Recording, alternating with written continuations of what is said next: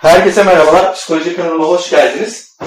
Ee, Ahmet Hocam'a anlatmama zaten gerek yok. Google'a Ahmet Çorak diye yazdığınızda e, makaleler, videolar, kitaplar bir sürü şey bulabilirsiniz. Hocam hoş geldiniz, safalar getirdiniz. Çok teşekkürler. Ee, hocam bir sürü kuram var. İyi bir kuram neyi hedeflemeli, neyi amaçlalı, amaçlamalı? Yani gelen hastayı, gelen danışanı neyi iyileştiriyor? Ne yapacağız? O kadar çok kuram var ki ben bir bakkala gittiğimde ne alacağımı biliyorum veya bir kasaba gittiğimde ne alacağımı biliyorum. İyi bir kuram neyi çalışmalı, nasıl çalışmalı? Yani bunu nasıl izah edebilirsiniz bize? Herhalde önce şey demek lazım. İyi bir kuram e, üstünü örtmeli bir problem. Bazı psikoterapi ekolleri bir problemin üstünü örtmeye dayanıyor. E, hastanın savunmalarını güçlendirmeye dayanıyor. E, ve o problemi sanki bir şey gibi düşünün, bir iltihap gibi düşünün. O iltihabın üzerini örtmek, patlamasını önlemek, kişiye zarar vermesini önlemeye gayret ediyorlar. Fakat bu problemi çözmüyor aslında. Problemi çözmek iyi bir psikoterapi şeyi değil, amacı değil. Burada önemli olan yani bizim düşündüğümüz şey İstanbul ekolde daha çok e, şeye neşter vurmak. Yani şeyi açığa çıkarmak, problem neyse o yarayı açığa çıkarmak, o iltihabi alanı açığa çıkarmak ve bunu neşter olarak, radikal olarak onu çözümlemeye çalışmak mümkün olduğu kadar.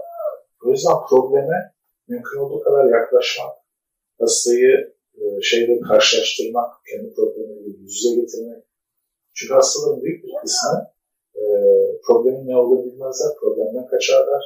Bizim eyleme vurma dediğimiz şey işte hızlı yaşam tarzı olsun, aşırı çalışmak olsun, e, alkol bağımlılığı olsun, e, işte oyun, kumar vesaire bunların hepsi aslında aynı kapıya çıkıyor. İnsanlar kendi içlerinde bulunan ve ona sinyal gönderen problemi e, hissetmemeye çalışıyorlar. Hissetmemek için kendilerini meşgul etmeye çalışıyorlar. Bunların içinde en işlevsel olanı çok çalışmak. Bazı insanlar çok çalışıyorlar, çok başarılı oluyorlar. Büyük bir bilim adamı olabilir, büyük bir şey kurabilir, yani politik kurabilir, çok zengin olabilir. Fakat önemli olan, yani bunlar güzel bir şey gibi gözükse de eğer o insan mutsuzluğunu engelliyorsa, mutsuzluğunu görmezden geliyorsa, kendi içindeki duyguları saklayarak yaşıyorsa, hayatın ikinci yarısından sonra özellikle 40'lı 50'li yaşlardan sonra artık bunu tutmak mümkün olmaz hale geliyor. Bu duygular mutlaka size ulaşıyor ve sizi mutsuz ediyor ve siz en sonunda mutsuz olarak geliyorsunuz. Ama uzaktan herkes size çok başarılı bir adamıydı, çok büyük bir işte sanayiciydi, şöyleydi, böyleydi diye anlatırlar ama içinizde çektiğiniz ızdırabı hiç kimse bilmez. Neden siz oraya hiç dokunmak istemediniz? Hep kaçtınız. Bütün yaşam biçimi, e, her şey aslında ondan kaçmaya yönelik. O yüzden psikoterapi yöntemi mutlaka o sorunlu, sorundan kaçmayla yüzleştirmeli. O sorunu sürekli hastanın önüne getirmeli. Hastayı onunla çalışmaya teşvik etmeli. Eğer hasta bununla çalışmaya hazır değilse, güçlü değilse, bunu yapabilecek bir şey değilse zaten onu e, başka işte diğer destekleyici psikoterapilere yönlendirmeli diye düşünebiliriz. Yani burada e, psikoterapileri bu anlamda ikiye ayırmış oluyoruz. Destekleyici psikoterapiler, bir de e, açımlayıcı, eksploratif ya da psikoterapiler diye ikiye ayırabiliriz. Destekleyici terapiler problemi görmezden gelmeye, hastanın problemi görmezden gelmesine yardım etmeye çalışan psikoterapilerdir.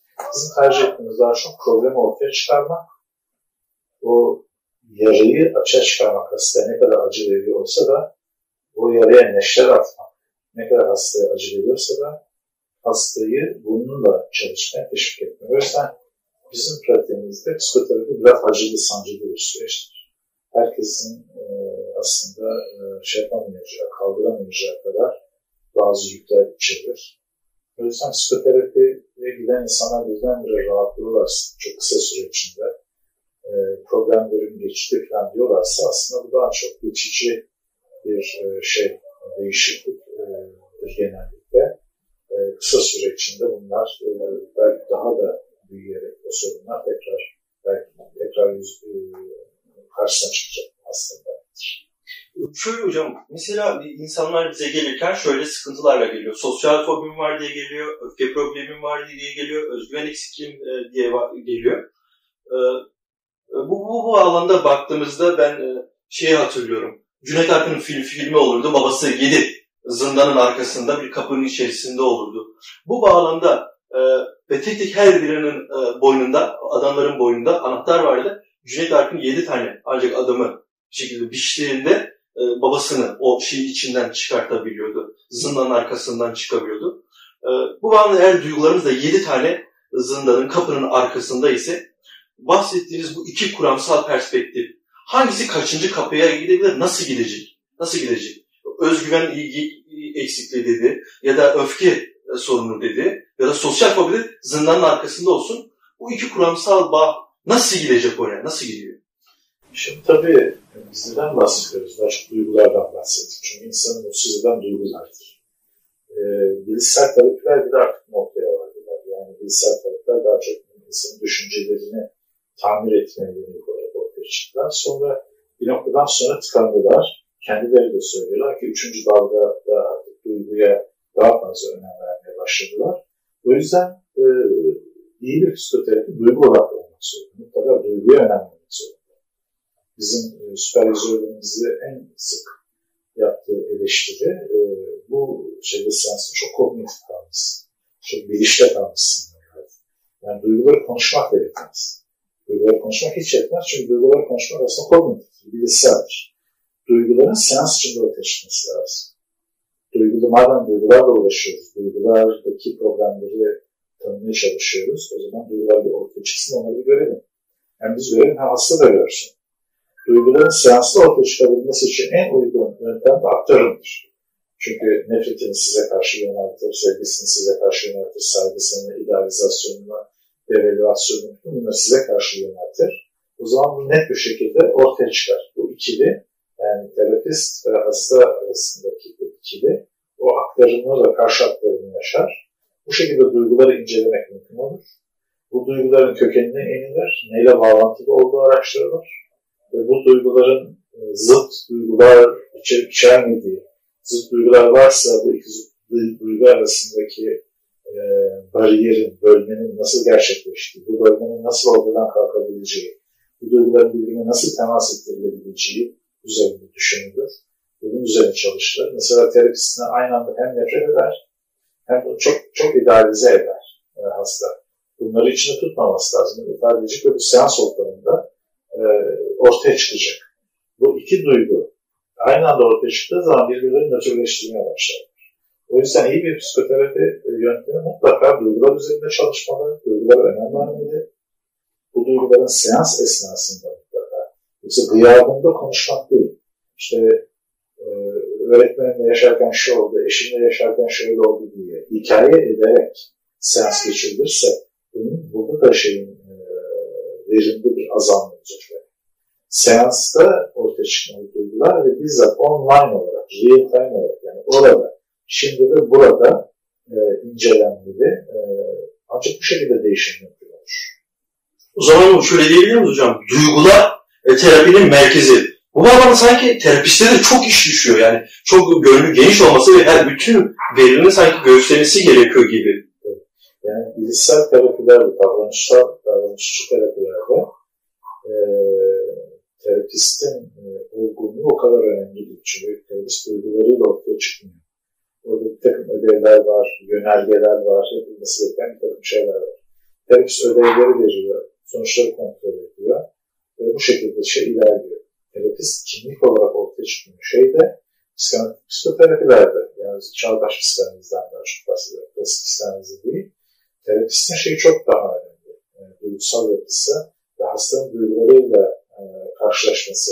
Hasta ona onu devalüe edebilir, değersizleştirir, ona hakaret edebilir. Onu e, ona karşı e, erotik duygular taşıyabilir. Pek çok şey terapist yerinden kımıldatmaması lazım. Yani hasta onu aşağılıyorsa da aşağıda aslında terapist değildir. Terapist onu çok iyi biliyorsa bundan hiç etkilenmez. Eğer idealize ediyor diyelim ki hasta, eğer e, terapist idealize ettiği kişinin aslında kendisi olmadığını bilirse yine bundan hiç etkilenmez. Bir de erotik aktarım yaptığını düşünelim. Hasta, hastanın yap, erotik aktarım yaptığı şeyin aslında terapistin kendisi olmadı. Terapistin gıyabıdır. Terapisti kullanarak bir başka şeye aslında e, aktarım yaptığını düşün, düşünecek olursa yine terapist hiç etkilenmez. Etkilenmeyen terapist sakin kalır. Bu duyguların kökenini birlikte araştırmalar mümkün olur. Ama bu duygularla gergit yaşayan bir terapist yani aşağılandığı zaman kızan bir terapist. E, idealize edildiği zaman hoşuna giden bir terapist. Erotik aktarıma karşı cevap veren bir terapist varsa o zaman işte bizim nötralite dediğimiz şey çiğnenmiş oluyor ama her şeyden önce e, şeyden hastadan çıkıyor mevzu tamamen terapistle kendi arasındaki e, patolojik bir döngü haline geliyor. Yani dışarıda yaşadığı o döngüyü terapistle yaşamaya başlıyor bu sefer. Yani biz bu döngünün terapi ortamında açığa çıkmasını istiyoruz, ortaya çıkmasını istiyoruz ama dışarıdakilerin davrandığı davranmamak kaydıyla. Biz sadece bunu analiz edebilmek için aramızdaki bu şey ortaya çıksın diye istiyoruz. Yoksa dışarıdakiler e, sürekli yani idealize edildiği zaman hastayı döven, dilerim, devalüe edildiği zaman döven, idealize edildiği zaman kabaran, işte erotik aktörün yapıldığı zaman hastayla ilişkiye giren insanlar var dışarıda. Terapi ortamında bunlar canlandığı zaman bu, bu niye ortaya çıktı? Geçmişte neyle bağlantılı? Şu anda aslında ne istiyor olabilirsin? Şu andaki duyguların gerçekleri neler? Onun arka, arkasında başka bir şey var mı diyerek bizim onları analiz etmemiz gerekiyor. Analiz edebilmemiz için sakin olmamız lazım. Sakin olabilmemiz için hastanın bize yönlendirdiği o duygular bizde bir anafor, bir dalgalanma oluşturmamalı. Bunun için kendi sorunlarımızı çözebilmiş olmalıyız. O konuda bizim bir problemimiz varsa, aşağılık kompleksim var ve hasta beni aşağılıyor. O zaman e, bunu kabul etmem zor. Narsist bir birisiyim, hasta beni idealize ediyor. Buna kapılmam, kapılmamak elde değil. Ya da işte e, erotik anlamda bir takım karşı cinsle ilgili sorunlarım var. Ve e, hasta bana erotik aktarım yapıyor. Buna dayanmak e, zor. Terapistin bu anlamda bu problemleri çözmüş olması gerekiyor. O yüzden terapistin kişiliği önemlidir psikoterapilerde. Terapistin olgun olması, burada yumuşak karnının olmaması gerekir. Hocam şu anda e, şöyle, o zaman ben bir destek yani deneyime dayalı bir psikoterapistin nasıl olması gerektiği, neden deneyime dayalı e, bir te- terapiste gitmeliyim? Bunu çok iyi anladım. Peki ne olacak da danışan, destekleyici bir psikoterapiste gitmesi gerekir? Danışan eğer bu çalışmaya uygun değilse, bu ne demek? Yeterince güçlü değilse, acıya dayanıklı değilse, bunu kaldıramayacak durumdaysa, böyle bir terapötik ilişki esnasında dağılma riski varsa, o zaman bu hastanın e, destekleyici terapi mesela. Çünkü bunu başaramayacak. Başaramayacağına göre e, destekleyici terapide problemin üstü mümkün olduğu kadar örtülerek e, bundan sonraki hayatını geçirmesi istenecek. Bu hiç iyi bir yöntem değil ama yapacak da başka bir şey yok. Yani çünkü bu bir nevi şey. Ameliyat masasında kalacak hastayı ameliyat almazsınız. Ne yaparsınız? Pansuman yapar eve gönderirsiniz. Bu iyi bir şey değil ama başka da çare yok. Yani. Peki hocam çok teşekkür ederim yani, kıymetli bilgileriniz için. Ee, kanalımıza abone olmayı unutmayın lütfen. Teşekkürler efendim. Çok sağ olun. Teşekkür